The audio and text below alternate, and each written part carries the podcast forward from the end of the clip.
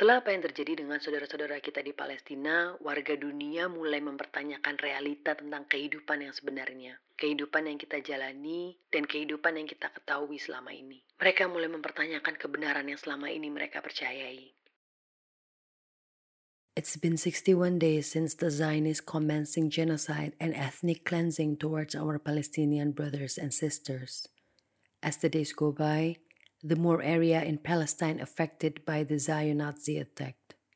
And since Gaza is totally empty, they start to destroy a new neighborhood, Deir al-Balah and Khan Yunis, the exact place where the Palestinians are told to evacuate from Gaza. So as of right now, there's literally no such thing as safe zone in Gaza Strip. The Zionists are also currently using a new kinds of mass destruction weapon the kind that the world has never seen before provided by United States of America. They're not just oppressing Palestinian, they are using Palestinian as their weapon trial, one of which is AI target bank. So how this AI actually works? Well, it gathers information of where Hamas supposedly hiding, its headquarters, arsenals, route of operation, etc and calculating the kind of bomb that fits to destroy the targeted areas. If before 2020, it would take Israel Diarrhea Force 10 days to identify and approve 10 targets, with the help of this AI, it can now identify and approve 100 targets in the same amount of time. And knowing how the Zionists think of Hamas's whereabouts, so the target we're talking are hospitals, residential areas, UNHCR schools, refugee camps, basically every single piece of land that has a lot of innocent civilian. This is officially beyond devastating. Aku akan bacakan sebuah syair indah karya Ustaz Zuna Khalid Basalama Hafizahullah yang berjudul Syukron Ahla Gaza atau Terima Kasih Wahai Penduduk Gaza. Berita gembira untuk kalian wahai penduduk Gaza, bahwasanya Allah telah mencintai kalian dan memilih kalian di antara hamba-hambanya agar kalian mendapatkan kemuliaan pahala jihad, ribath, dan juga mati syahid. Berita gembira untuk kalian wahai penduduk Gaza, kalian memiliki hadiah iman yang telah diberikan oleh Tuhan dan juga kalian telah sampai pada tingkat tertinggi dari keimanan setelah para nabi-nabi dengan ujian ini. Berita gembira untuk kalian wahai penduduk Gaza, dengan pahala yang melimpah karena kalian telah menyebarkan Islam dan iman kepada penduduk bumi. Dan kalian telah memberitahukan dunia seluruhnya tentang Islam dan iman yang sebenarnya. Dan kalian telah membuka mata-mata mereka. Berita gembira untuk kalian wahai penduduk Gaza, karena Allah telah menjadikan bumi kalian tanah air kalian sebagai tanah air para syuhada, tanah air kemuliaan, dan tanah air kejantanan. Berita gembira untuk kalian wahai penduduk Gaza, dengan surga untuk para syuhada kalian, dan juga untuk kalian kalau kalian bersabar dan kokoh di atas iman kalian. Terima kasih wahai penduduk Gaza, kalian telah menghidupkan iman dalam hati kami dan hati para muslimin. Terima kasih wahai penduduk Gaza, kalian telah menghidupkan siapa pun yang sedang tidur dari kalangan muslimin dengan tidur mereka yang sangat lelap tentang Islam.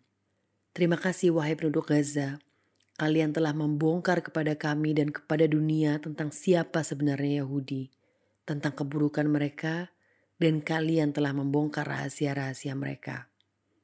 Terima kasih wahai penduduk Gaza, kalian telah menyadarkan kaum muslimin dan menghentikan mereka dari tontonan-tontonan yang Allah haramkan melalui semua media dan menyadarkan para anak muda muslimin dari kelalaian dan juga dosa-dosa.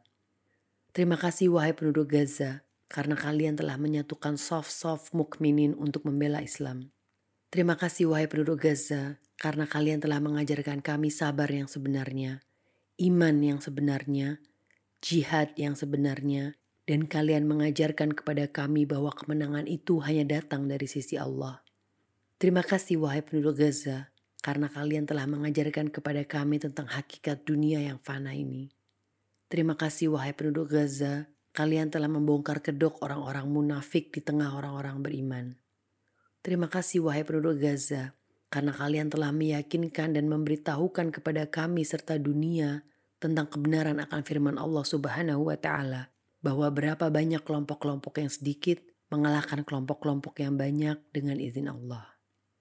Setelah apa yang terjadi dengan saudara-saudara kita di Palestina, warga dunia mulai mempertanyakan realita tentang kehidupan yang sebenarnya. Kehidupan yang kita jalani dan kehidupan yang kita ketahui selama ini. Sebenarnya aku udah pernah menyinggung tentang hal ini di monolog kisah, tapi di situ aku lebih fokus pada kisah-kisah yang meruntuhkan hati siapa pun yang mendengarnya. Di monolog kali ini, aku akan berbagi bagaimana orang-orang Palestina mengajarkan kita semua tentang arti sebenar dari kehidupan. One of the wake up call is the way how Palestinian respond to this whole situation. Gimana sih normalnya manusia merespon kekerasan brutal oleh kelompok yang sama yang menghancurkan tempat tinggal serta menghilangkan nyawa orang-orang yang kita sayang dan bahkan menyakiti kita secara fisik. Marah, umpatan, sumpah serapa, bahkan keinginan untuk segera membalas dendam pada orang atau kelompok tersebut, tapi tidak dengan warga Gaza. Mereka memuji Allah, menyeru Allah, mengagungkan Allah.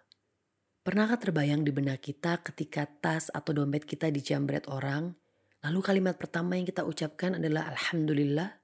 Atau mungkin yang paling basic, yang langsung Allah perintahkan pada kita seperti dalam surat Al-Baqarah ayat 155 dan 156. Dan sungguh akan kami berikan cobaan kepadamu dengan sedikit ketakutan, kelaparan, kekurangan harta, jiwa dan buah-buahan, dan berikanlah berita gembira kepada orang-orang yang sabar, yaitu orang-orang yang apabila ditimpa musibah, mereka mengucapkan inna lillahi wa inna ilaihi roji'un. Baru setelah itu teriak copet, jambret, atau tolong. Aku sendiri pernah mencoba membiasakan dan subhanallah masih banyak gagalnya.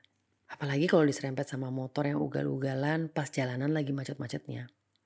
Gimana sih normalnya manusia merespon saat tahu keluarganya, temannya, tetangganya juga disakiti dan dihancurkan hidupnya oleh musuh kita bersama.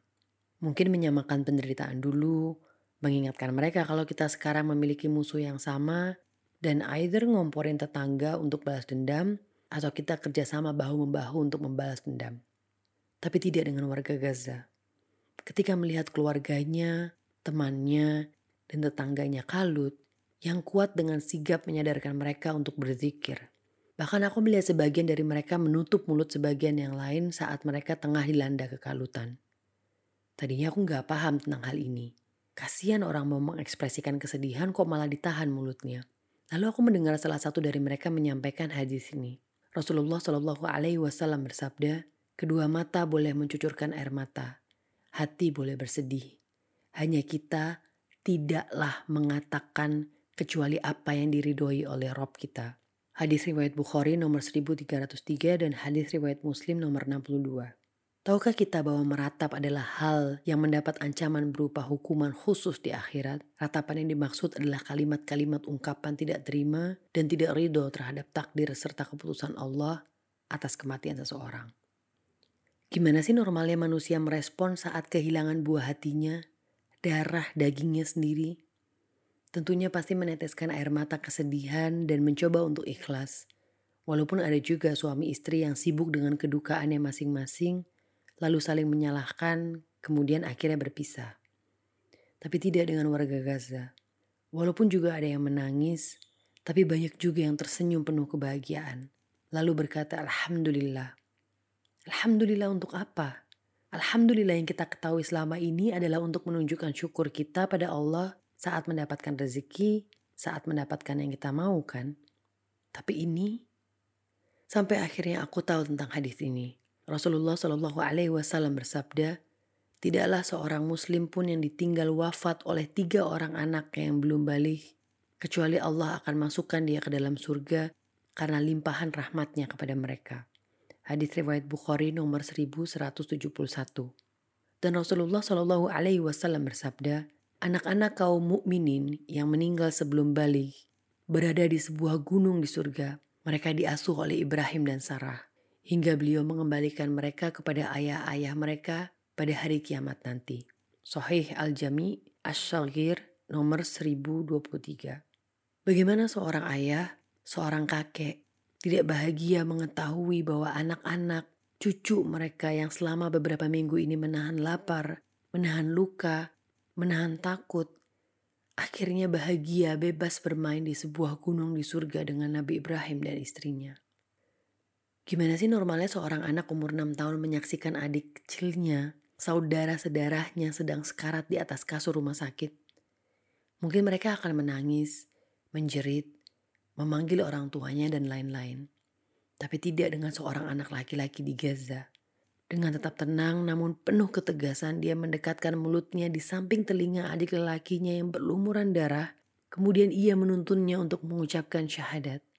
Dan dengan nafas yang semakin melemah, adik lelakinya pun mencoba sekuat tenaga untuk bersyahadat. Lalu sang kakak mendekatkan telinganya pada mulut adiknya untuk memastikan bahwa syahadatnya benar dan lengkap. Itu dia lakukan tanpa meneteskan air mata sedikit pun. Belum lagi standar ganda yang dipertontonkan secara nyata oleh negara-negara barat, baik pemerintahan maupun media beritanya, membuat sebagian besar warga negaranya kaget, marah, kecewa, dan jijik. Bagaimana bisa negara yang selama ini berkoar-koar tentang HAM dan kebebasan, malah ikut secara aktif menindas Palestina, ikut secara aktif dalam genosida? Bagaimana media-media cetak yang memiliki kredibilitas super bisa menghasilkan berita bohong yang sangat-sangat bertolak belakang dengan kenyataan yang terjadi di Gaza. Mereka mulai mempertanyakan kebenaran yang selama ini mereka percayai. Yang selama ini secara tidak mereka sadari dimasukkan sebagai doktrin dan propaganda. Well, what I'm trying to say is, puluhan monolog tidak akan cukup untuk membicarakan tentang warga Gaza, tentang banyak pelajaran berharga yang mereka ajarkan secara tidak langsung, tentang banyak ayat yang selama ini kita kesulitan untuk bisa memahami maknanya sampai kita melihat orang-orang di Gaza dan Palestina menjalankannya. They walk the talk. Sungguh mereka adalah termasuk golongan orang-orang yang paling Allah cintai detik ini di dunia. Warga Gaza membuat kita sadar bahwa kesabaran kita, keikhlasan kita, ketegaran kita, keteguhan iman kita, kecintaan kita pada Allah dan Rasulnya yang mungkin selama ini kita bangga-banggakan, itu tidak ada apa-apanya dibandingkan dengan kesabaran, keikhlasan, ketegaran, keteguhan, dan kecintaan warga Palestina pada Allah dan Rasulnya. To the people of Palestine, I say thank you, jazakumullahu khair, for making our eyes wet in the remembrance of Allah. Thank you for bringing life back into our hearts, which had gone cold. Thank you for the humiliation we feel now that we see how lost we were chasing the material things in this world. They are indeed Allah's chosen people, and it is us who need help.